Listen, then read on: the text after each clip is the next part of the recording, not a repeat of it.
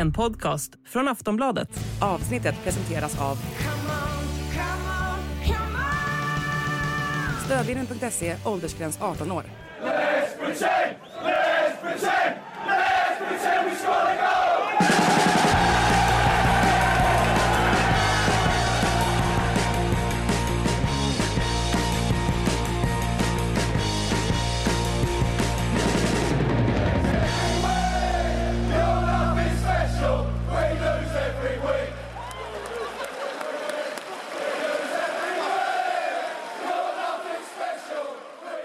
Sportbladets Premier League-podd, eh, eller Sportbladets ligacup-podd kanske det kommer vara i alla fall inledningsvis av det här avsnittet. Eh, Liverpool besegrade Chelsea med 1-0 i den finalen. Klopps avskedsturné börjar med en, eh, en eh, titel, ska vi, kan vi kalla det så.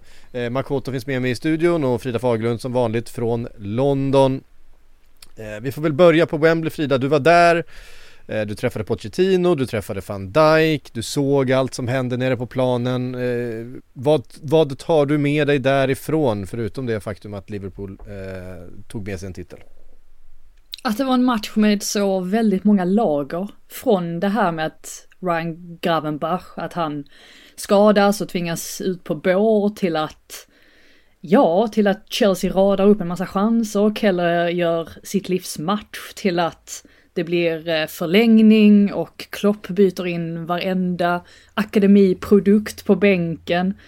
Och till slut så får van Dijk göra det här målet när han redan har försökt med med ett tidigare nickmål där ändå bedöms vara så kallad, ja, tekniskt offside. Det fanns så mycket i den här matchen. Men det jag tar med mig allra mest är väl att det bety betyder väldigt mycket för både Liverpool-supportrarna och Klopp och ja, spelarna. Det märktes verkligen, det var fantastisk stämning på Wembley Stadium och ja, man såg ingenting för all röd rök där eh, mot slutet av matchen så att eh, nej, det var en, det var en riktigt, eh, en riktigt kul dag faktiskt. Men inte li riktigt lika kul förstås för Chelsea-supportrarna som på något sätt såg sitt lag gå miste om en jättefin chans här för att Särskilt där i förlängningen när Liverpool ja, på något sätt tvingas göra de här bytena, eller tvingas. Klopp känner väl på något sätt att nu slänger vi in de, här, in de här ungdomarna istället och jag vet att det är många som har påpekat att Chelsea startelva fortfarande hade en lägre genomsnittsålder jämfört med Liverpools i slutet. Men sen samtidigt så hade ju Chelseas spelare, de har dels kostat mer än vad eh, Liverpools ungdomar har gjort och dessutom så har de ju mer erfarenhet så att det är väl klart att man hade förväntat sig mer från dem. Men eh, nej, de försvann helt ur matchbilden, bara sjönk ihop totalt och eh, det tyckte jag var, var överraskande. Mm. Det är ju, Chelsea bytte ju alltså in Nkunku, Mudryk, Madueke, Chaloba, om vi bortser från Chaloba så är det ju det var inga gratisspelare direkt som, eh, som är absolut, de kanske inte har nått sin topp uh, i Chelsea än, men uh, det är skillnad mot ja, Bobby Clark, McConnell, Dance och andra namn som man aldrig har hört talas om. När vi satt här för en vecka sedan hade jag fortfarande inte hört talas om Jaden Dance till exempel. Det är bara en sån sak. det, det, eh...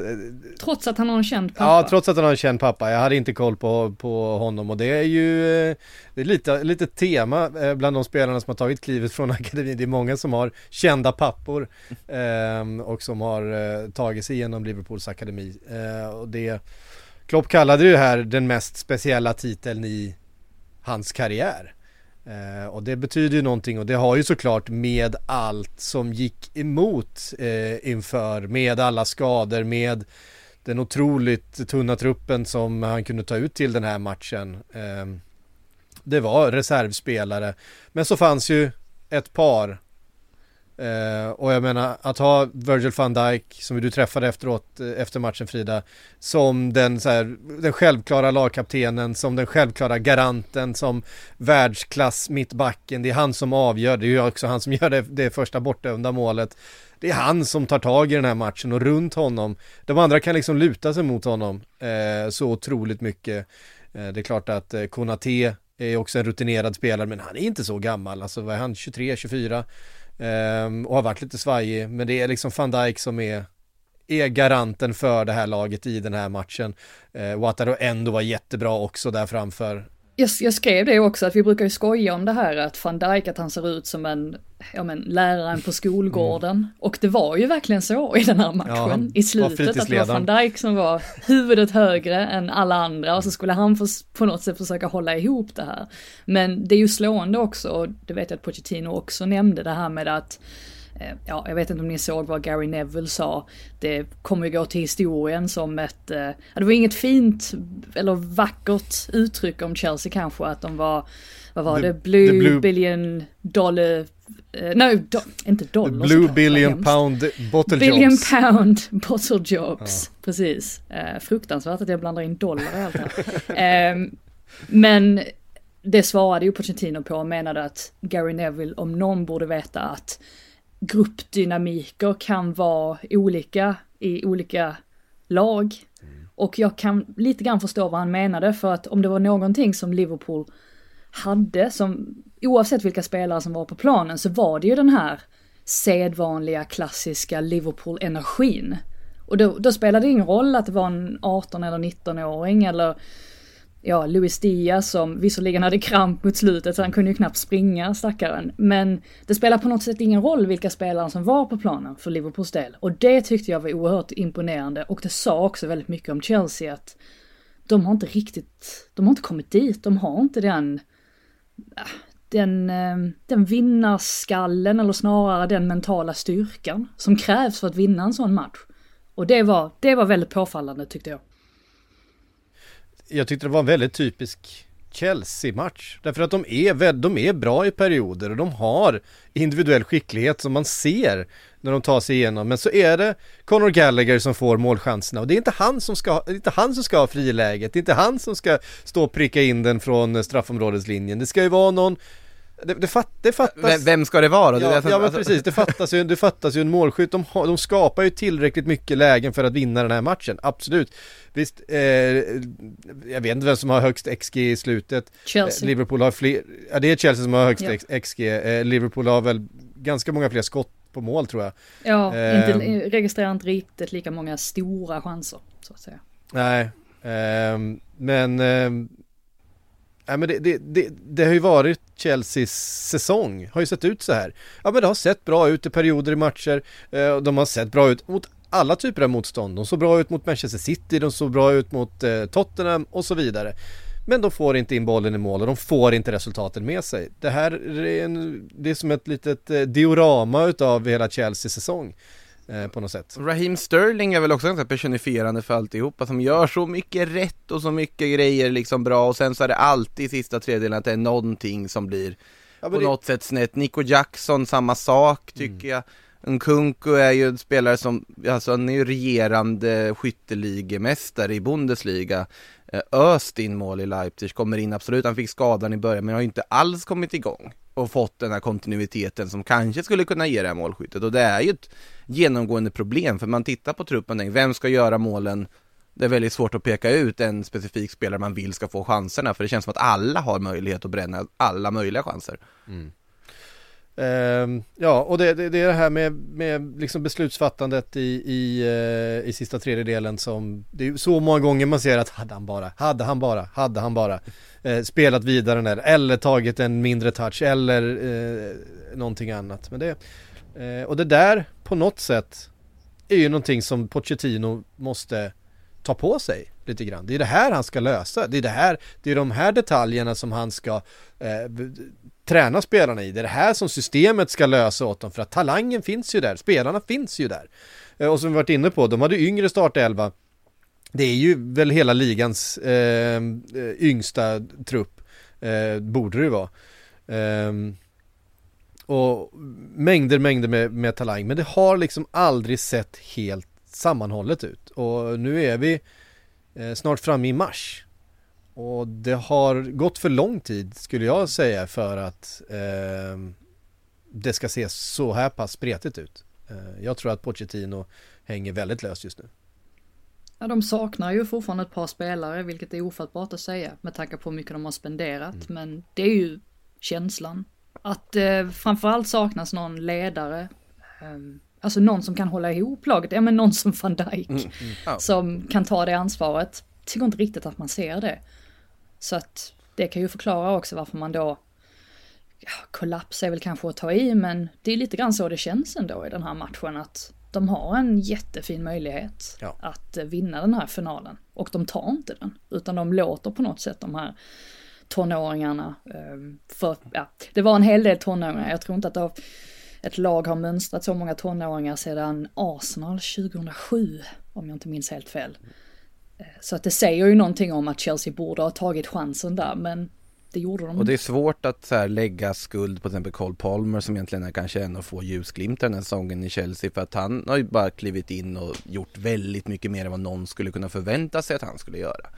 Eh, Jag tycker väl han, han gör mycket bra här också i den här matchen men det, det blir svårt att liksom lägga skulden på att han måste bära det här laget. Han ska inte behöva ha det ansvaret egentligen. Eh, sen såklart, som du nämnde Frida, det ligger mycket, de har inte heller en Virgil van Dijk, de har inte någon som kan kliva fram då och liksom knoppa in en hörna i det här läget när de behöver någon som kliver fram, visar vägen på det sättet som van Dijk verkligen gjorde i den här matchen. Och sen har de ett, de har ett väldigt stort problem Chelsea. Det är att den här kombon som har kostat nästan 3 miljarder att sätta ihop Caicedo och Enzo Fernandes. Eh, Det funkar inte riktigt så bra som man hade kunnat förvänta inte i sig. närheten så bra som de Eh, borde vara. De, de vinner inte mittfältet igår. Eh, Jag tycker att eh, Wataru Endo är, är den, den bästa mittfältaren på, på plan. Det är, han som, det är han som styr och ställer, det är han som vinner flest bollar. Kanske skulle Caicedo dessutom eh, varit utvisad efter eh, stämplingen på, på Gravenberg. Den är väl, det är väl ett orange kort. Eh, och det är väl därför Ja. VAR inte kliver in. Ka- Kavanaugh missade ju helt, det blir inte ens frispark av det. Jag kan ändå förstå varför, även om det, det förstås, det känns vansinnigt att det inte ens blir frispark. Men på något sätt kan jag ändå, jag kan ändå försvara honom lite grann i det läget att han kanske inte riktigt ser situationen eh, från sin position. Men eh, i övrigt hade han ju väldigt mycket att göra den här dagen, får man ju säga. Jag tror inte att det är alla som är helt nöjda med hans insats. Klopp var ju inte riktigt Nej. nöjd. Han, eh, han ville väl inte ens skaka hand med honom efteråt. Eh, om jag, jag kanske såg fel, men det såg ut som att han, och, och gjorde han det så var det väldigt, väldigt, eh, utan speciellt mycket kärlek. Det kan kännas lite småsint tycker jag liksom, eh, där har vunnit och alltihopa, släpp det då lite.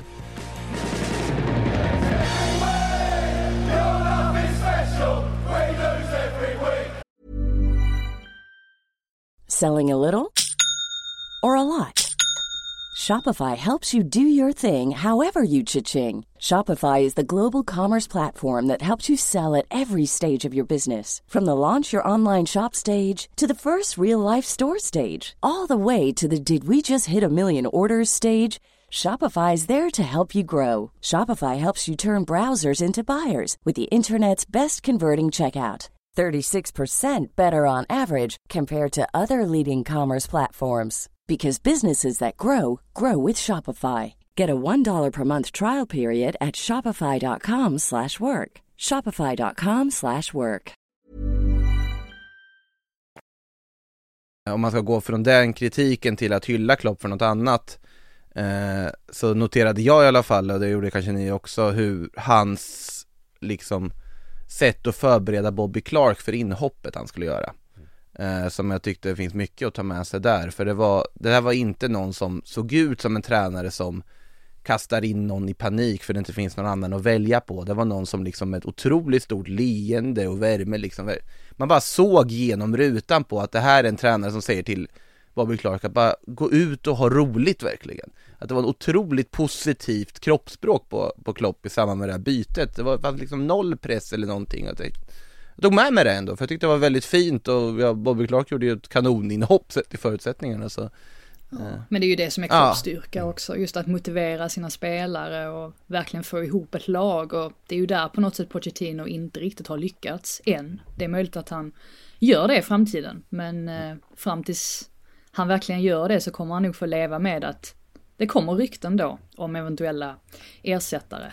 Han skakade ju inte hand med Todd Bowley i alla som- fall. Pochettino.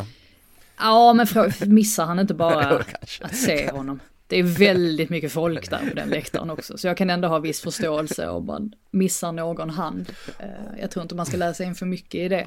Eh, Men eh, nej, vi får väl se vad som vad som händer. Mm. Men det där är ju också Klopp, för han står ju bara på en sida. Han bryr sig ju inte om han inte, om han lämnar det här landet med, ovän med alla domare och alla medier och alla andra. Han står ju bara på sina spelare och, och sin klubbs sida hela tiden.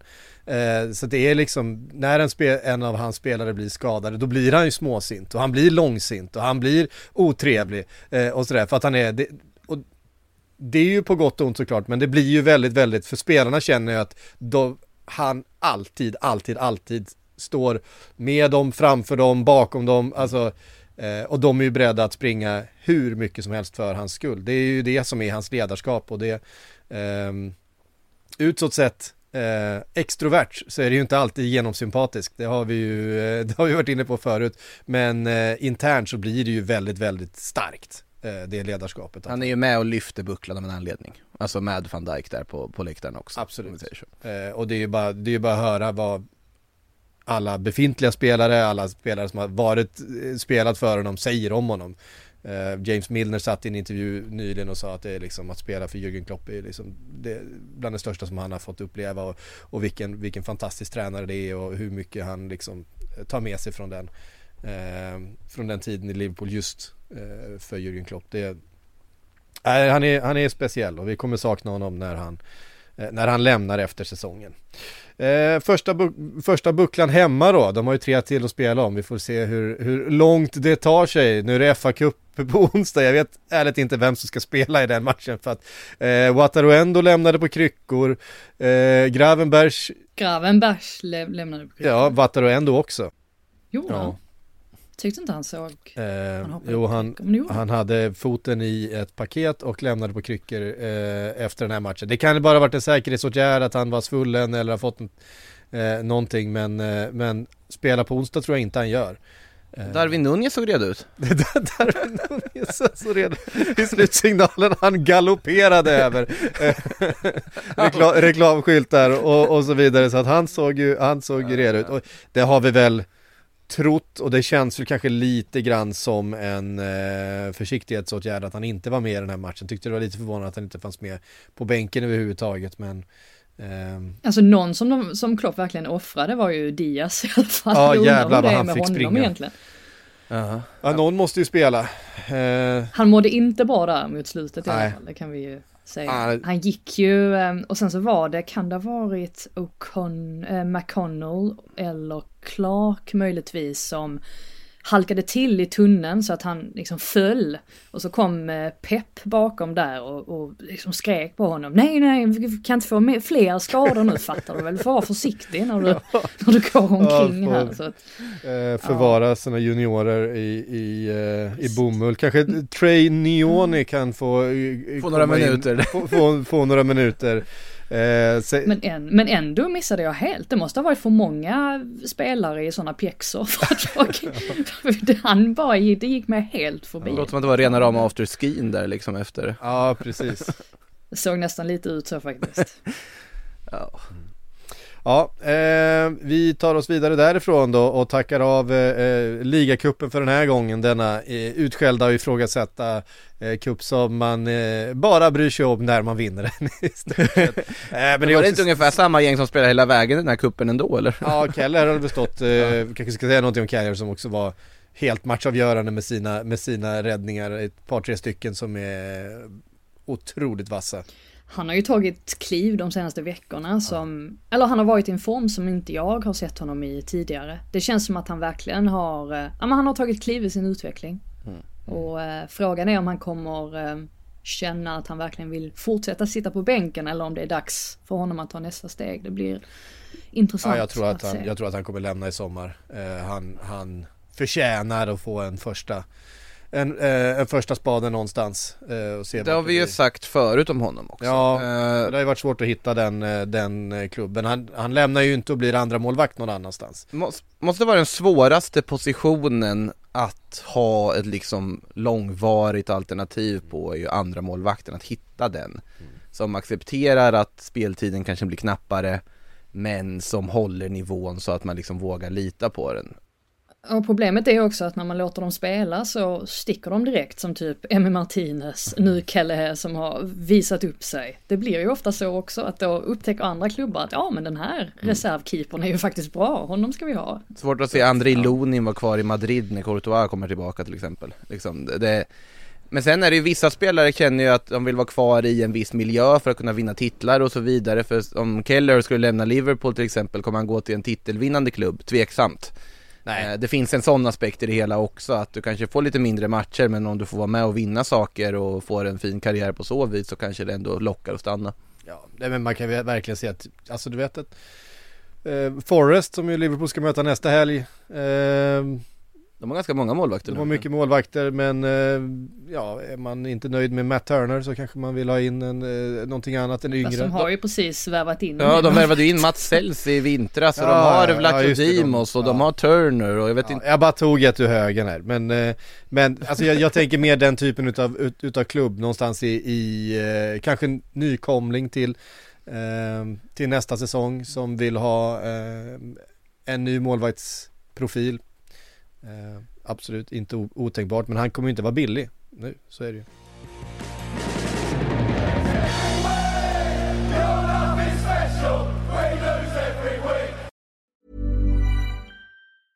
Finding your perfect home was hard, but thanks to Burrow, furnishing it has never been easier.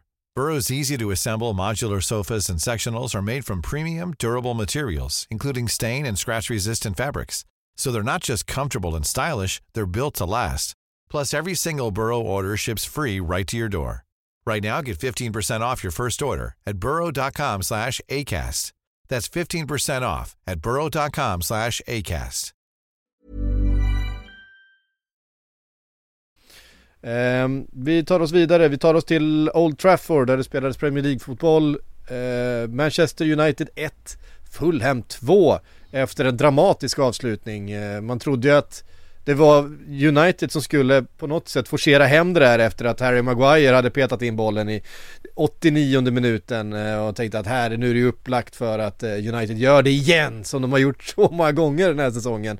Räddat poäng i slutändan. Istället så är det, ja, Adama Traoré som tar tag i bollen på egen planhalva. Det hade man inte koll på att Adama Traoré var och eh, sprang cirklar runt folk i, i och ibland sig själv eh, i Fulham nu för tiden men, eh, men där är han in från bänken och gör det han gör Frida. Eh, han tar bollen och springer och, och ja, Harry Maguire i det läget har ju inte mycket att välja på. Han stötbryter ju där och, och missar bollen men han kan ju inte gärna ta, ta upp löpduellen med honom för då är han ju helt rökt. Ja precis, det blir ju det blir ju lite märkligt där också vid den situationen, eller vid Iwobis mål då, när Lindelöf på något sätt räddar bollen från att gå ut till, eh, till inspark och skadar sig på kuppen eh, och hamnar på något sätt mitt emellan. För Ten Hag, jag hörde att han sa det i, i sin intervju efter matchen att ja, att det var en spelare som hamnade fel i pressspelet och jag tror att han syftar på Lindelöf, att Lindelöf hamnar liksom mitt emellan. Så han varken pressar eller ja, faller av. Och sen så blir det som det blir då. Men sen samtidigt så, det går ju inte riktigt att säga att Fulham inte förtjänade det här heller. De hade ju också sina lägen och Iwobi hade ju någon möjlighet där innan sitt mål också. Så att de gjorde det bra, de spelade sig igenom centralt hela tiden. Och Man United hade ju samma problem som vi egentligen har suttit och pekat ut hela säsongen. Det här med att deras pressspel oftast inte fungerar, att man inte hittar rätt balans på det centrala mittfältet och när man då dessutom har spelare borta som ja, Shaw, Höjlund, otroligt saknad för att Rashford är inte bra i den positionen i mitten där. Han är, han är bättre på kanten även om han inte alltid har levt upp till förväntningarna den här säsongen han heller. Ehm, så att nej, de saknade mycket, men United i den här matchen och ja, Forson, spelade ju inte bra överlag. Forson fick chansen men eh, satte inte mycket till avtryck tyvärr eh, när han väl fick den här. Spelar ju ur position också så att kan tycka lite synd om honom på det sättet att man slängs in här och pratar om att han är nästa stora namn och eh, ja, och så blir det så här. Alltså det känns ju, det, det här är väl ingen liksom uh, vågad take direkt men uh, även Erik Ten Hag verkar ju ha tröttnat på Anton i alla fall. Det är ju en sak som är säker. Man, han kastar in uh, Forsson där liksom på från ingenstans, uh, ur position som du säger. Sen när väl, när Antoni kommer in, det är liksom minut 99 där han inte gör någon nytta heller. Uh, helt makalöst hur fel de hamnade med den värvningen. Det så många olika parametrar som liksom slår ihop till att det där verkligen är en alltså genomusel värvning och rekrytering och, och allt vad det är och är det fascinerande dåligt. Och det ska sägas att Fulham inte ens har sin bästa spelare med här, Joao Palinha. Nej. Och ändå så kör man över Man United på det sättet som man gör på det centrala mittfältet. Ja, ja det säger ju någonting om Fulham förstås, att Marco Silva är ju en han är ju en smart tränare som oftast anpassar sig ut efter motståndet och det gör de verkligen här. Men sen samtidigt så undrar man ju vad som kommer hända med Ten Hag nu för att, ja, Ratcliffe kommer inte...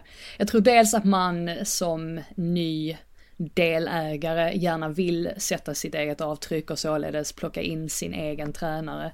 Och eh, jag tror att sådana här eh, insatser från Man Uniteds sida, det kommer bara spä på det här att Ratcliffe eventuellt kommer se sig om efter en ny tränare. Mm.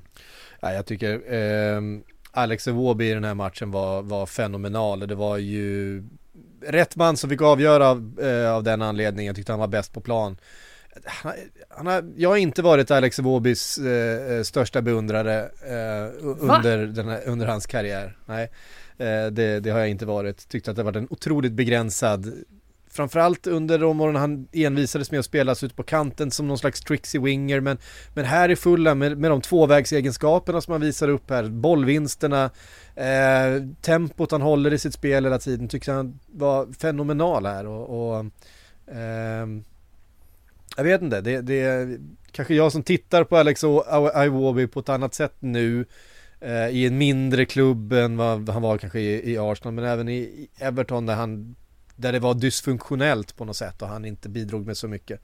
Han var inte eh, billig när han ja, köptes. Jag tyckte, ändå, jag tyckte ändå att han bidrog, bidrog i Everton just för att det var ju så himla fascinerande hur eh, de bytte position på honom lite hur som helst. Att han visade sig vara en av de mest mångsidiga mm. spelarna i Premier League. Att han fyllde hål i Everton lite överallt. Jag tror att han lärde sig mycket mm. av den sessionen faktiskt. Innan han då hamnade i Fulham. Om man, man fastnar ändå lite i i United, så jag vet inte vad ska man dra för växlar den här förlusten? För känslan har ju varit innan att det ändå är ganska gryende form ja, var, och positiv tongång Det var ju känslan inför den, här, inför den här helgen att det börjar liksom falla på plats nu liksom. Är vi tillbaka på ruta ett igen nu eller är det liksom Det är vi väl inte men, men, det är ju i alla fall ett steg bakåt. Jag menar Med tanke på att Aston Villa vann sin match så är det ju nu eh, Ja vad blir det, åtta poäng upp till, eh, till fjärdeplatsen då om eh, nu inte femteplatsen blir en Europaplats eller en Champions League-plats, det vet vi ju inte. Um... Det är ju oerhört dålig timing som uh, Höjlund blir skadad när han har det här målstimmet och verkligen varit väldigt bidragande till att det ändå varit just mer positiva tongångar kring klubben på sista tiden. Uh, att man nu får klara sig utan honom ett par veckor är ju inte optimalt och det syntes ju som sagt här att han var saknad eh, på topp för att han kunde ju ändå skapa någonting ur tomma intet, göra de här målen de behövde för att få någon form av arbetsro. Mm. Nu var det liksom Harry Maguire som hade de bästa målchanserna. Eh, inte bara med liksom avslutet i öppet mål utan hade lite andra möjligheter där också, något nickläge som han eh, drog över från nära håll och, mm, och annat man landar ju hela tiden i samma slutsats det här med att Man United har spenderat en hel del pengar men ja, alla spelarköp har ju inte direkt fallit väl ut. Anthony nämnde vi där. Casemiro är också en sån spelare som nu har ju på något sätt motståndarna sett igenom honom, honom eller de vet hur man ska göra för att på något sätt, eh, ja, utradera honom ur matchen och det är ju att få honom att springa så mycket som möjligt. Alltså ligger Casemiro tätt på en då blir det jobbigt men ja, så länge man ser till att ja, liksom slå bollar runt honom så så är han ju inte lika bra och han har ju inte varit det den här säsongen heller. Och nu snackas det ju om att han kommer att lämna i sommar. Pratas om att eh, om att Ratcliffe vill värva in Ross Barkley som visserligen har haft en eh, fantastisk säsong med Luton. Men eh, vi får väl se hur det blir med det. Det finns ju en koppling där förstås mellan Nice som Barkley var i förra säsongen där det inte lyfte för honom. Och, eh, och Ratcliffe då. Är, är, det ett, liksom, ja. är det trovärdiga håll det finns uppgifter om Ross Barkley? Ja, det har kommit från två håll. Det har kommit från Talksport som väl inte alltid är Nej, de är De har ju inte alltid rätt, men det har också kommit från The Sun. Och jag vet att det är många som säger att oh, det är bara The Sun, men när det kommer till Man Ja. United-nyheter så har de rätt så ofta rätt faktiskt. Ja, det... Nej, det är nej, inte- nej, inte den, nej, nej, nej, nej, nej. Alltså man gillar Ross Barkley, han gör det fantastiskt i Luton, men nej, nej, titta bre- bredare än så kanske. Eller alltså, det är kreativt, det får man ändå ge dem om de skulle plocka in Ross Barkley från ingenstans, men det är nog inte riktigt den vägen de kanske borde gå. Mm. Om vi tittar upp i toppen av tabellen så har vi ju tre lag som utkämpar ett, eh, eh ett slag om eh, den där titeln. Vi har Arsenal 58 poäng, City, Manchester City på 59 poäng och Liverpool på 60. Eh, tre poäng var till City och Arsenal i helgen. Arsenal övertygande mot, eh, mot Newcastle. Det var, fan, det var bara ett, ett lag på plan. Eh, och sen slog man av lite på takten och Newcastle fick ett tröstmål på slutet genom Joe Willock men, men herregud vilken övertygande prestation igen av Arsenal som ju verkligen här och nu ser ut som det bästa laget i ligan. Ja, alltså wow, vilket eh, statement, särskilt med tanke på nederlaget i Porto tidigare Ja. under veckan. Som jag viss, visserligen inte tycker är en sån stor katastrof som En viss annan Ja, tycker. Som det, som det kan verka. Jag kan ändå känna att på hemmaplan så har de ju ändå en fullgod chans att vända detta. Det är inte, det är inte på något vis så att de har förlorat det på förhand, även om det förstås var slarvigt att släppa in ett mål så sent i matchen och de registrerade ju dessutom inte ett enda skott på mål, vilket är oerhört ovanligt från Arsenals sida. Och här var det precis tvärtom, det var som att de hade bestämt sig för att nu ska vi verkligen visa, dels ta revansch från den förlusten, men också mötet med Newcastle på St. James's Park som vi vet ju var lite kontrover kontroversiellt på, på sina håll. Och eh, det märktes verkligen att de hade använt det som motivation. Sen fanns det ju en del taktiska aspekter här som förstås gjorde att balansen blev så rätt. Och det var ju att Jorginho återigen kommer in på det centrala mittfältet och återigen är typ den starkast lysande stjärnan. Nu fanns det många att ta av, det var många spelare som var fenomenala, jag menar Ödegaard, Rice, Saka, Havertz, Martinelli, Saliba, Gabriel, Kivior, ja, varför inte White? Jag menar jag kan räkna upp hela laget så Det gjorde du ju. de var ju verkligen som en le- Ja, det är väl, ska du, ska Ja, du jag- lämna jag- jag White inte stackaren det. bara utanför det här? Raja får väl vara Ja, med men också? det, ja, men jag, jag nämnde White. Det Men eh, jag nämnde inte Raja. Nej, det är sant, det är Eh, kan ändå känna att jag blir lite nervös varje gång han har bollen vid fötterna. Men det, det är mest det. Men nej, det här var en otrolig laginsats från, eh, från Arsenals sida. Och det fanns en häpnadsväckande statistik också som jag fick läsa flera gånger innan man verkligen förstod.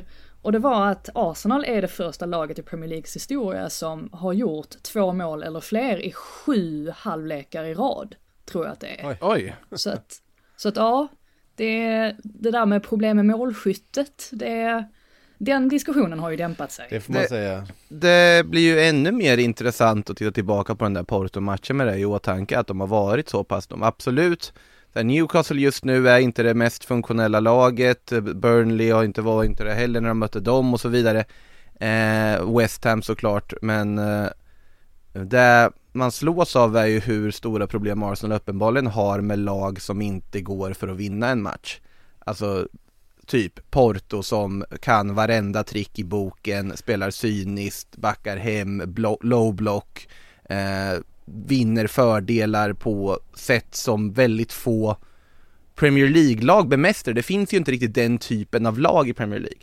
Och det gör mig väl lite orolig för returen i Champions League för Arsenal, för där har ju inte de visat den här säsongen att de kan hantera den typen av, av motstånd. Däremot när de får lite mer utrymme, de inte möter ett så pass cyniskt motstånd som de kan ställas mot i andra sammanhang, då, då, då briljerar de ju och de har ju så otroligt mycket kvalitet och klass. Alltså Bukayo Saka tycker jag var helt fenomenal i den här matchen. Eh, som sagt många andra som var det också, Declan Rice, jag tycker att, alltså men det är väl typ alltid ha, bra. Ja, han aspirerar ju verkligen på årets spelare den här säsongen. Eh, Jag tycker Bukayo Saka är nog med i den diskussionen också. Eh, på det här sättet han också nu verkligen steppat upp i poängprotokollet på det sätt som man ändå förväntade sig nästan att han skulle göra eller liksom hade tro på att han skulle kunna göra den här säsongen. Det tycker jag att han verkligen har börjat göra nu och, och just i Premier League-sammanhang så Arsenal ser absolut ut som en titelkandidat, det gör de. Men man såg ju verkligen att Newcastle, de kunde inte hantera det här att Rice tryckte upp på sättet som han gjorde, just eftersom att Jorginho fyllde den luckan bakom honom. Och att då både ha Rice och Ödegård som trycker upp i de här fickorna på planen och sen Martinelli som då kan komma lite närmare Havertz, det var... De kunde inte alls hantera det. Och vi har ju sett också de senaste veckorna att Newcastles försvar har ju läckt, minst sagt. De släpper in väldigt mycket mål. Sen, ja, sen är det väl eh, ironiskt i sig att det är Joe Willock som snyggar till siffrorna här på slutet. Den före detta Arsenal-spelaren. Men eh, nej, det här var ingen, ingen bra insats från eh, Newcastles sida. En fantastisk insats av Arsenal. Ingen Dan Burn från start i den här matchen heller. Det har varit mycket, mycket Dan Burn på senaste tiden. Han, det blev Tino Livramento som skulle ta hand om eh, Bukayo Saka. Det, det hjälpte inte eh, att man plockade ut Dan Burn, men det hade inte det hade inte blivit lättare för dem om, om den duellen hade sett ut. Karius mellan stolparna. Loris Karius för första gången i Premier League sen han spelade för Liverpool. Um, Ja, han hade väl inte den roligaste av dagar heller kan man väl lugnt konstatera. Sen går det inte att klandra den här matchen på honom på något sätt även om Något utav bollarna ska... Ja det var lite, det var lite tvål Ja, på den där Kivior-nicken. Ja. Eh, det var det ju. Precis.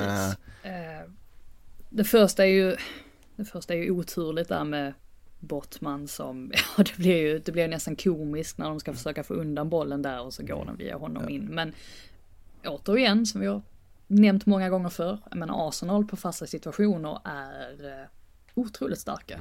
Och eh, ja, har gjort väldigt många mål på det sättet den här säsongen, flest av alla. Vad säger vi om att Isak var tillbaks? Ja, han gjorde vad han kunde, men eh, Otacksam. Han hade ju en, match det. en väldigt fin aktion där på en lång boll som han plockade ner otroligt vackert, vände, vek in och, och gjorde någon slags överstegsfint på och fick iväg ett skott som gick över, men det var det var liksom den typen av lägen som Newcastle eh, Det var allt de hade liksom. Men en, en En lång, lång boll över alltihop och sen lita på någon slags individuell briljans där fram Utav Alexander Isak. Eh, Det var väl, det var, det, det var en eh, Fin nedtagning och en fin aktion liksom men Det fanns inte så mycket för honom att Att göra i den här matchen, så mycket att jobba på. Det, det var otroligt lite eh, För Newcastles anfall, anfall överhuvudtaget ju. Det blir intressant att se dock om de kan vända det här resultatet nu mot Porto. Det, Jag tror väl att for, fortsätter de rada upp den här typen av insatser i Premier League så kommer de i alla fall kliva in i den matchen med, med självförtroende. De får öva lite också här ju, för det är ju dels Sheffield United och sen Brentford också. Och de, båda de lagen kan man ju tänka sig kommer stå ganska lågt så att då kan de öva på att penetrera sig igenom den typen av eh, försvar. Jag, jag, tror, jag tror ju Arsenal har kvaliteten för att, för att vända det här och vara favoriter att lyckas göra det också. Men samtidigt, om man tyckte att Porto var svåra att möta i det första mötet och att de var cyniska och eh, ja, förstärkande i många situationer och så vidare. Eh, det, det kommer vara någonting, eh, kommer vara Getafe i portugisisk skepnad på Emirates i returen för det kommer vara, ja, de kommer göra allt för att krypa in under skinnet på dem. Alltså får de in ett mål relativt tidigt, Ja, ja, då, då, tror jag att de tar det. ja, Men det skulle ju vara om det står 0-0 i eh, 80 minuten. Alltså då, ja, då kan jag tänka mig att det kanske är en del huvuden som börjar hängas lite grann. Ja, Men, de har eh, Peppe där bak Peppe kan fortfarande varje trick i boken så att det Ja, han är ju är det och de måste lära sig hantera sånt. De måste lära sig kunna hantera sånt och liksom växa över det och det tyckte jag att det För var det- det som var så alarmerande med Champions League-matchen, att de inte gjorde det. För det som framför allt var det Porto gjorde var att de hela tiden bara förstörde rytmen i spelet.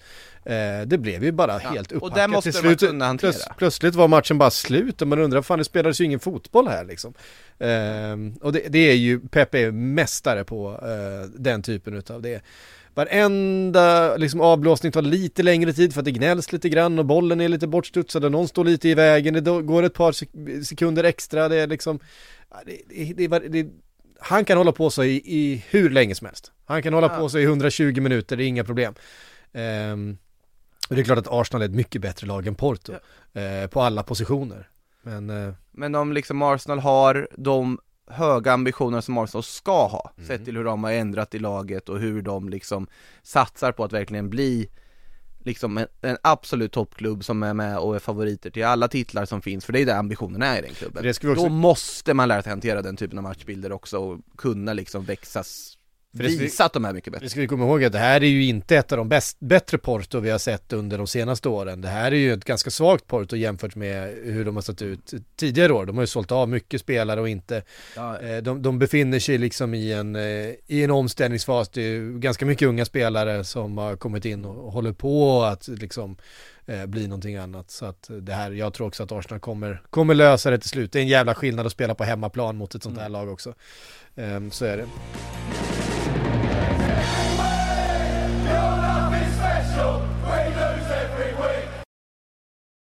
Vidare till eh, Bournemouth eh, och eh, 1-0 till Manchester City. Jävlar det satt långt inne för dem och det var en jämn match det här. Mycket jämnare än vad man hade förväntat sig med tanke på att eh, Bournemouth ju aldrig tar poäng mot Manchester City. De har faktiskt aldrig gjort det. Just nu är det 14-0 i head-to-head mellan Manchester City och Bournemouth. Alltså det är inga, det är inga kryss heller utan det är 14 raka segrar. Phil Foden, stor matchvinnare Frida, igen. Jag tycker mm. också han är en, eh, ja, kanske Manchester Citys viktigaste spelare den här säsongen. Ja, jag säger inte emot det helt. Jag tycker också att han har varit helt enastående, särskilt med tanke på att han inte ens var, ja men det var inte säkert att han fick plats i startelvan under förra säsongen. Men den här säsongen har han verkligen övertygat och är ju den som är så himla duktig på att, ja men att på något sätt ta sig igenom, om vi pratar om lågstående försvar så där är han ju verkligen nyttig om man såg exempelvis i, i möte med Brentford där han var lika strålande. Um, så att uh, nej, det är, det är kul att se på något sätt för att han är ju den här typen av spelaren också som, uh, och det vet jag att Guardiola också har sagt att han han spelar precis som att, som att han lirar fotboll i trädgården med sina kompisar. Att han, han berörs inte alls av att han eh, befinner sig på den absolut största scenen. Och, och det är väl därför det har gått så bra för honom i Man City. Och det är väl därför Guardiola har känt att jag vill verkligen hålla kvar vid honom. Och ja, han tror ju väldigt mycket på för Foden. Så att nej, han har haft en fantastisk säsong får man lugnt säga.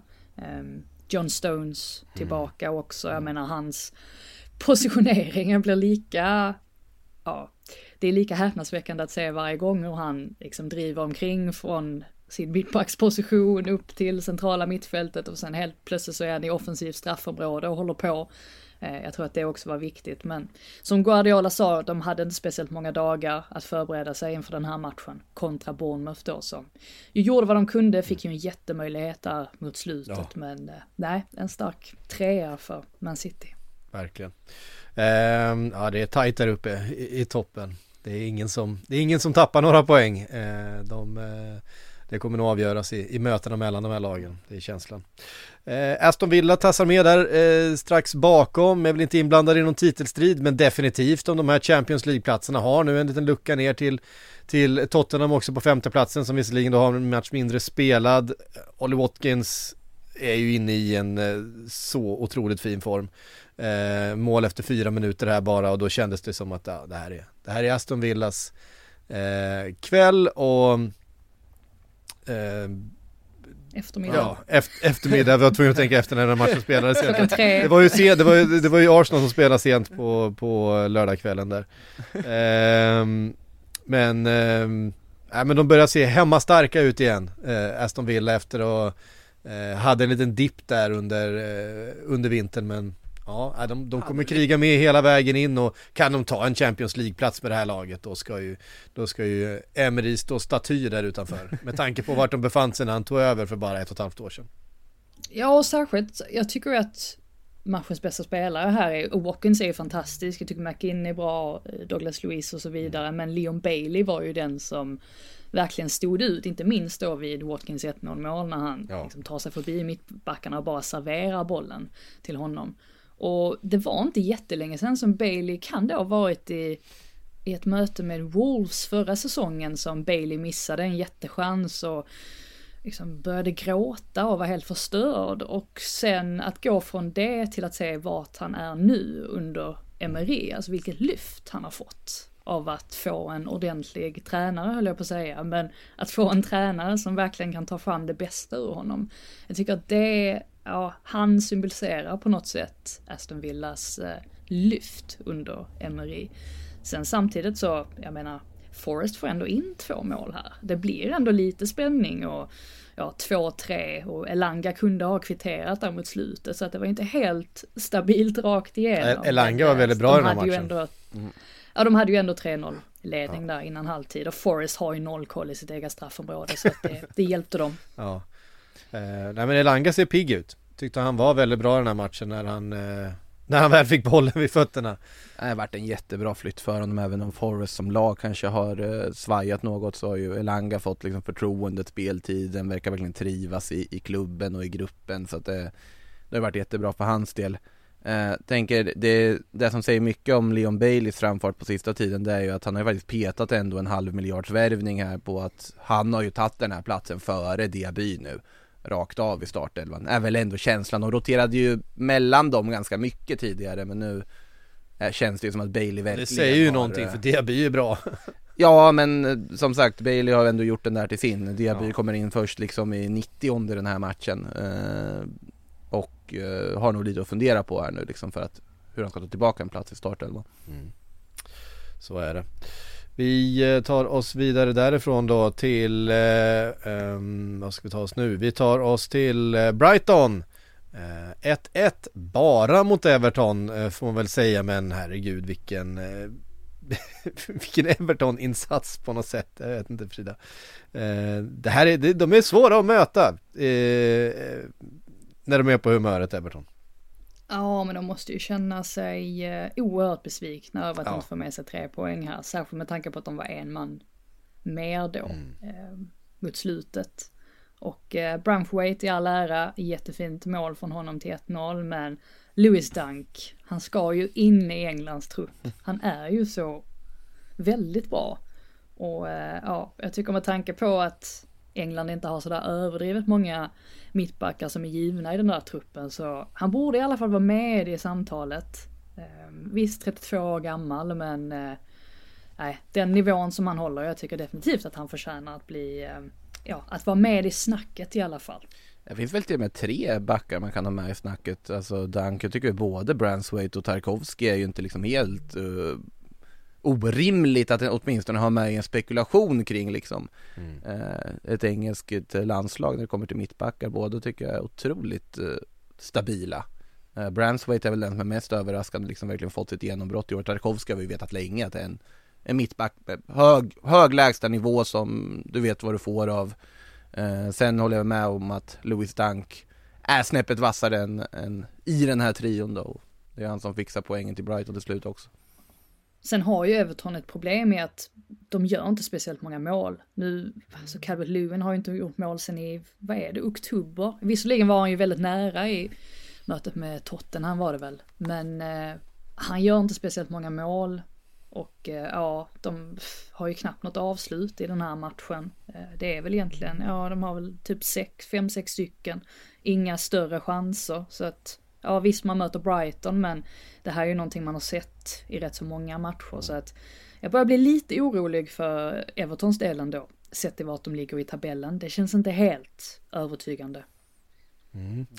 Eh, nej, det gör det ju verkligen inte. Det gör det inte för Sheffield United heller. ganska, ganska långt ifrån. Eh, så inte helt övertygande ut på planen heller. De verkar inte så övertygade om varann, Frida. Eh. Nej, Eh, de är inte så bra kompisar, i alla fall inte Robinson och eh, Vinny de Sousa.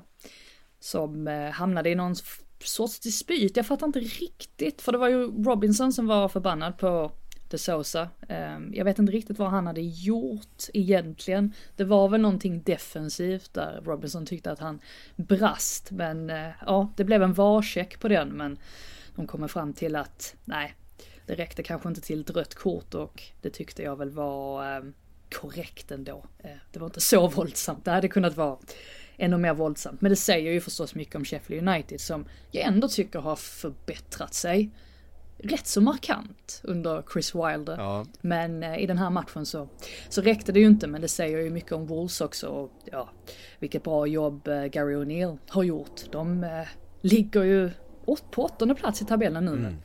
Och det hade verkligen inte jag trott inför säsongen. Men eh, det var kanske rätt ändå att eh, O'Neill helt plötsligt fick eh, kastas in.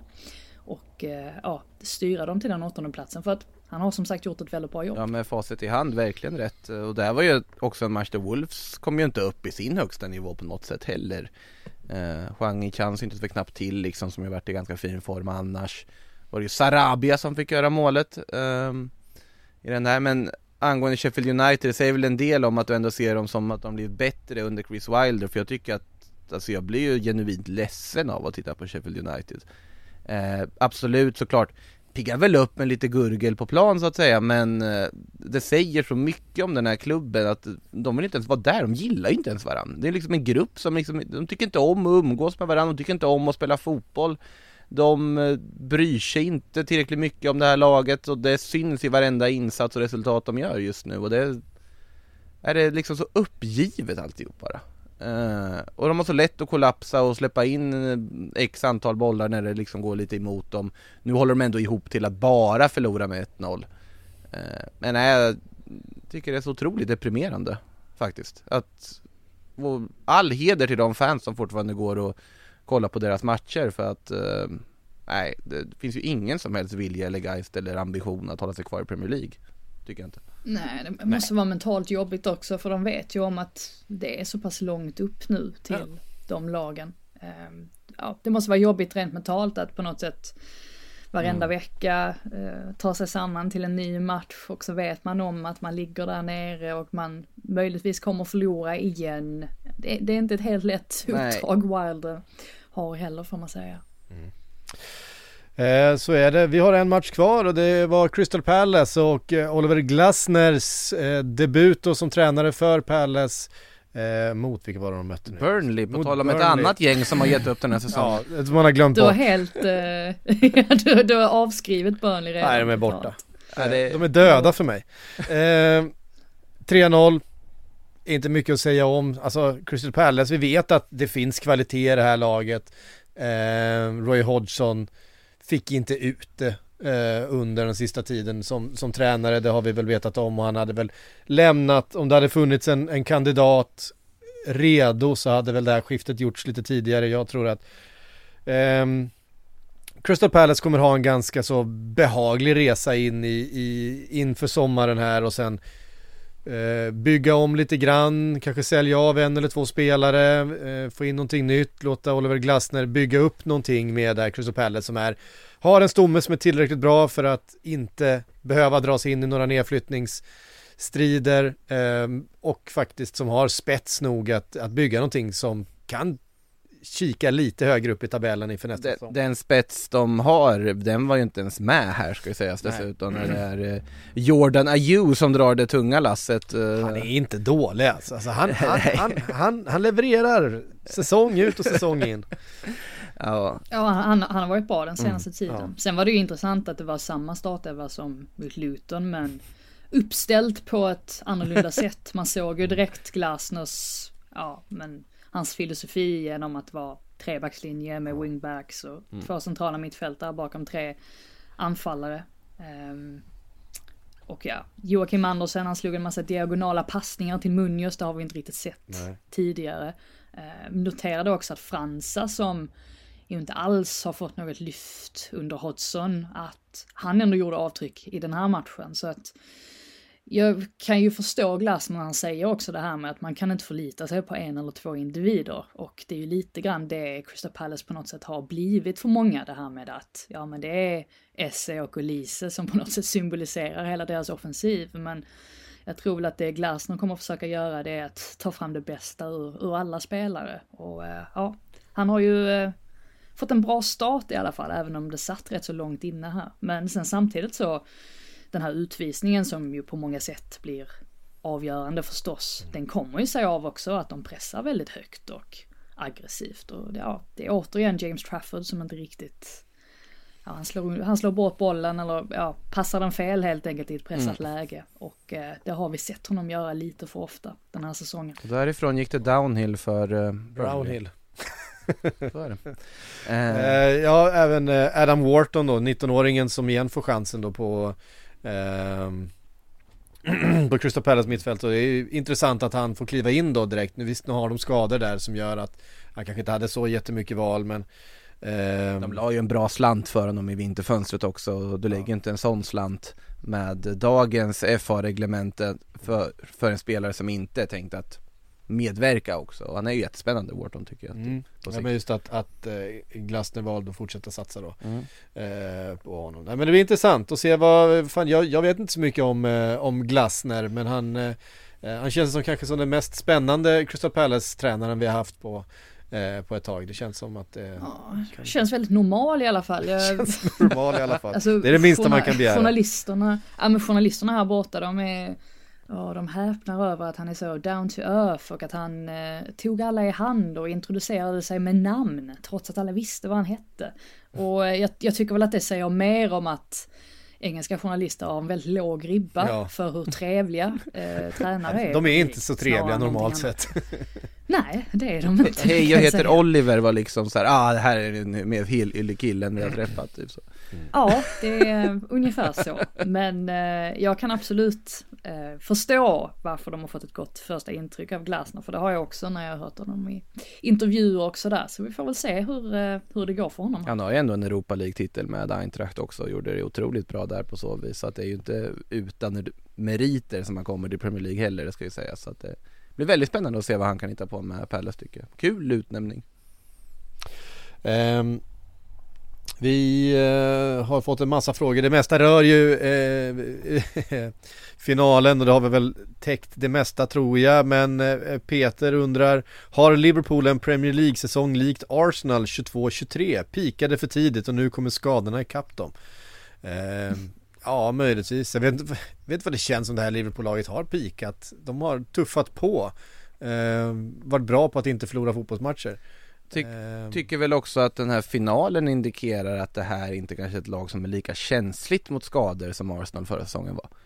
För det känns som att Arsenal förra säsongen så var det ju att det fanns vissa spelare som blev skadade som inte riktigt gick att ersätta. Det blev inte riktigt lika bra när de inte fanns med. Jag tänker till exempel i backlinjen och så vidare. Eh, Liverpool har inte riktigt det här problemet för de har behövt bolla skador på ett annat sätt och liksom hanterat det och visar ju att de kan vinna en ligacupfinal även när de har en hel A-lagsstartelva skadad. Så att jag tror inte att det kommer bli samma problem för dem. Med det sagt eh, såklart att det kan visa sig att de har pikat de får en formdipp överlag. Men jag tror inte att det kommer vara helt beroende av att de har skadade nyckelspelare. Det finns ju en, eh, det, fin- det är ju en fråga om timing här också. Nu ser vi att, jag menar Darwin Nunez och Salah är nog på väg tillbaks. Det är möjligt att de spelar redan på onsdag. Eh, som allra senast tror jag att de spelar till helgen mot, eh, mot Forest och det är klart att Men då kan Salah vara trasig igen efter den matchen, man vet aldrig. Nej, det, det är såklart man inte vet. Jag menar, Eh, Mohamed Salah har ju varit väldigt förskonad mot skador. Nu drog han på sig en muskelskada, vilket han ju liksom inte har haft i sin karriär eh, i stort sett överhuvudtaget. Den skadan har liksom inte riktigt blivit läkt och det har varit lite till och från. Han, han är ju hell, heller inte själv van med att känna vad, när är det, med tanke på att han då har klarat sig från skador. Eh, för det är ju upp, väldigt mycket upp till spelaren, hur känner spelaren? Det är bara den som kan avgöra egentligen eh, om någonting gör ont eller inte. Det, det kan du liksom inte se på ett mätinstrument. Eh, uppenbarligen så var han inte redo, han spelade ju många minuter, han fick ju komma in Mm. eh, tidigt då när Jota skadade sig och spelade och såg pigg ut hela matchen. Uppenbarligen så var han inte riktigt redo för så många minuter som han själv då ansåg att han var. Eh, så vi får väl se här hur försiktiga eh, Liverpool är med honom och låter honom spela. Darwin Nunez som sagt, han såg ju pigg ut när han, han kutade in på plan. Eh, där vet vi väl inte riktigt eh, hur, hur läget är, men det är klart, får man tillbaks dem så är det ju eh, två rätt tunga pjäser. Eh, men allting handlar om vilka skador får man, mot vilket motstånd. Eh, ja, Forrest borta är ingen lätt match, men det är samtidigt en match som man ska kunna hantera. Eh, mm, det blir väl mer där fram i mars när eh, en del spelare förväntas komma tillbaks och samtidigt man har då Manchester City och så vidare eh, riktigt svåra matcher. Och så lite man, Europa League på det med tajtare matchschema och sånt som man ja, kan spela också. Precis, jag menar det är FA Cup nu och sen så är det ja, Slavia Prag visserligen, inte det absolut tuffaste motståndet Eh, Sparta Prag till och med. Ja, Sparta Prag, Slavia Prag. Ja. Ja, de är väl också med där ja, för att de, de finns där också. Ja, så är det. Ehm, vi, eh, Ivarsson undrar hur många lag ska ha en dålig dag mot Arsenal innan det erkänns att Arsenal många gånger görs när motståndare dåliga. Ja, Jag tycker att vi har varit rätt bra på att erkänna det. Eh, det, var, en- det här var ju Arsenal som var bra mer än Newcastles var någonting annat. Eh, så, så är det väl Ja, jag har inte hört någonting annat i alla fall. Eh, uppenbarligen. Ehm, Daniel Wikström undrar, hur ser regeln ut för stämpling då Caicedo inte ens får kort för två stämplingar? Maguire får gult och Gilmore direkt rött och avstängd. Ja, det där är ju... Vilken domare ser det i vilken situation och hur upplevs eh, stämplingen i fråga och hur eh, stor intention finns det i den? Alltså, det är väl typ så. Ja, nej, men vi har ju sett spelare som... Ja, väldigt cyniskt. Men nu såg vi förra, förra eh, helgen kanske den fulaste tacklingen. Den var väl egentligen kanske inte heller eh, med en sån intention tror jag på Mittoma eh, från eh, eh, Mason, vad heter han? Holgate. Mason Holgate. Eh, men det är ju ett, ett, ett fruktansvärt farligt spel såklart. Han är uppe med dobbarna. Jag tror inte att han, jag tror inte han går in och försöker skada eh, Mittoma i den lägen om vi ska ta kanske säsongens fulaste. Men det är ju, Det var inte Roy Keane. Nej precis, som, som gjorde det med, med, med fullt uppsåt. Men vi har sett väldigt många utav den typen utav stämplingar. Eh, var det Curtis Jones som rullade över bollen med foten, han skulle tackla bollen och träffa bollen lite högt så bollen styr upp hans fot. Ja, det är direkt rött. Eh, ja, ja, för att du, har, du ska ha kontroll över dina dobbar och, och inte spela farligt och inte utsätta motståndarna för fara. Det är svårt att säga att Caicedo inte utsatte Gravenbergs för, för, för fara när han eh, skadar honom Så på här, det i, sättet. I Det, det, är, Caicedo-fallet. det är en grå skala och jag tycker att det är många av de här situationerna som är orangea kort, eh, om vi nu ska kalla dem det. Ehm, Jo men så situationen med Gurner exempelvis som man tar som exempel där. Det är ju också en sån där situation där, ja det kan vara rött kort men hade det inte blivit rött kort så är det kanske inte så många som hade protesterat. Alltså det finns ju den typen av situationer som när man ser den så, ja kanske, kanske är det rött kort. Alltså den typen av jag tror att det är det som gör också att, att många supportrar känner frustration, det här med att det är så svårt att bedöma alla stämplingar likvärdigt för att alla kommer se dem på, på olika sätt, alla kommer vara positione- positionerade på olika platser på planen och se situationen ur en annan vinkel. Och så länge det inte är ett rött kort så går inte VAR in och eh, ja, fibblar med det heller. Så att det är ju där vi är på något sätt. Det är ju det, det är så det är med, med domare och domslut i sig, att det blir ju aldrig helt, helt rättvist. De hade ju ett sånt exempel, eller vad heter det, experiment i La Liga någon säsong när de började säsongen med att alla stämplingar på det här sättet skulle rendera i rött kort. Ganska många röda kort som delades ut, eftersom VAR också fanns då så hittade de någon stillbild på en fot som är över en liksom en annan fot och sen så var det rött kort på det och det vart nästan parodiskt. Eh, så här, Caicedo-situationen är ja, om man ser den i repris såklart att man känner att det hade inte varit fel att ge rött kort i den. Sen blir det såklart förstorat av effekten av det på att Gravenberg blir skadad och borta ett tag och då blir det liksom en förstorad effekt av det hela också. Och det kanske ska vara där, jag vet inte. Jag säger inte att det är rätt eller fel att det, det är så men eh, och det är lite samma sak med Gilmore situationen att det man hade inte protesterat om det var gult Man kan argumentera för att det är rött, man har inte protesterat om det blev rött och det är därför som på något sätt man egentligen i grunden är också en alltså motsträvare mot VAR som koncept även om man har accepterat att det finns nu eh, är just att det finns inte absoluta rätt eller fel. När man då argumenterar för att ja men VAR så blev det 80% mer korrekta domslut. Nej, vissa situationer är 50-50. Det är så och då går det inte att säga om det var korrekt eller inte. Vissa domare tycker det, ja. Vissa inte. Eh, och jag har svårt att säga om det hade varit korrekt med både gult och både rött för, eh, för Caicedo för den satsningen till exempel. Och samma för Gilmore. Ja, Eh. att det inte blir någonting överhuvudtaget det är Nej, för att, det- det, det, det, ja, men det är ju för att domaren missar den. Jag menar, Ja, det är ju, själv, det är ju självklart att det är en frispark och att det är ett gult kort självfallet. minst. Jag menar, självfallet. det, det, något annat är ju, alltså, det, det är ju domarens miss. Problemet är att när vi då har VAR som kan kliva in om de anser att det då skulle vara rött kort. ja. eh, Då kan de kliva in och, och ändra det domslutet. Och då har de ju bedömt här att det där skulle kanske varit gult. ja, och då blir det ingenting. Nej. Ehm, Ja, så där är det. Fredrik Larsson eh, skriver, jag skulle gärna vilja höra från Frida Fagerlund om hur engelsk media pratar om Bruno Fernandes, framförallt som lagkaptensmaterial. Här spyr vi alla galla över honom, en otroligt icke älskvärd spelare. Men jag hör sällan något om honom från engelsk media, hur låter det där? Alltså tabloiderna har en ovana att skriva ihop artiklar baserat på kommentarer på Twitter. Vilket jag inte riktigt tror att vi gör i Sverige på samma sätt. Känns som att jag inte, ja, jag borde ju veta eftersom att jag jobbar på Aftonbladet. men jag tycker inte alls att vi har den sortens kultur, liksom de har här.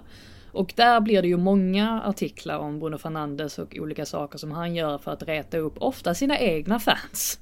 Man United-fansen då. Och ser man till ja, men, olika studios så Roy Keane har ju inte alltid varit helt helt snäll mot Bruno Fernandes och det finns en rad andra experter som också har varit ja, ganska kritiska mot honom och ifrågasatt hans ledarskap. Så jag tycker absolut att den diskussionen finns.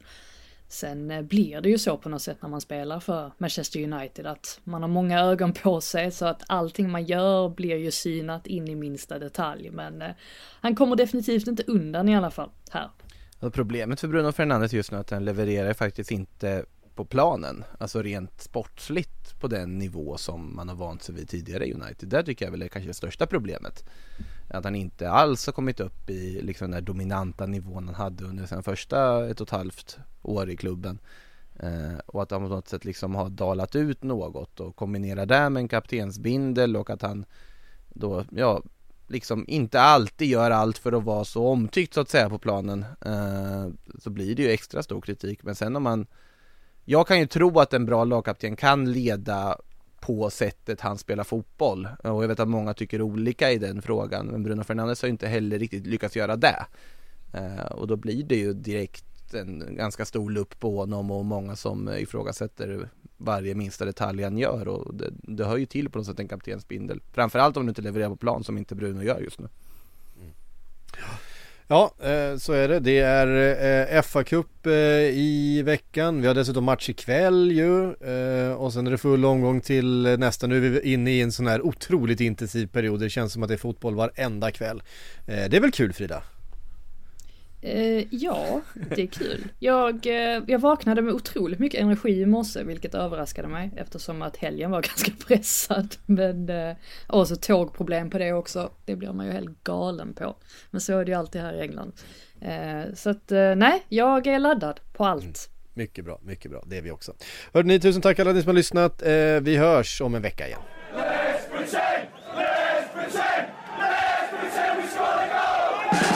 Du har lyssnat på en podcast från Aftonbladet. Ansvarig utgivare är Lena K Samuelsson.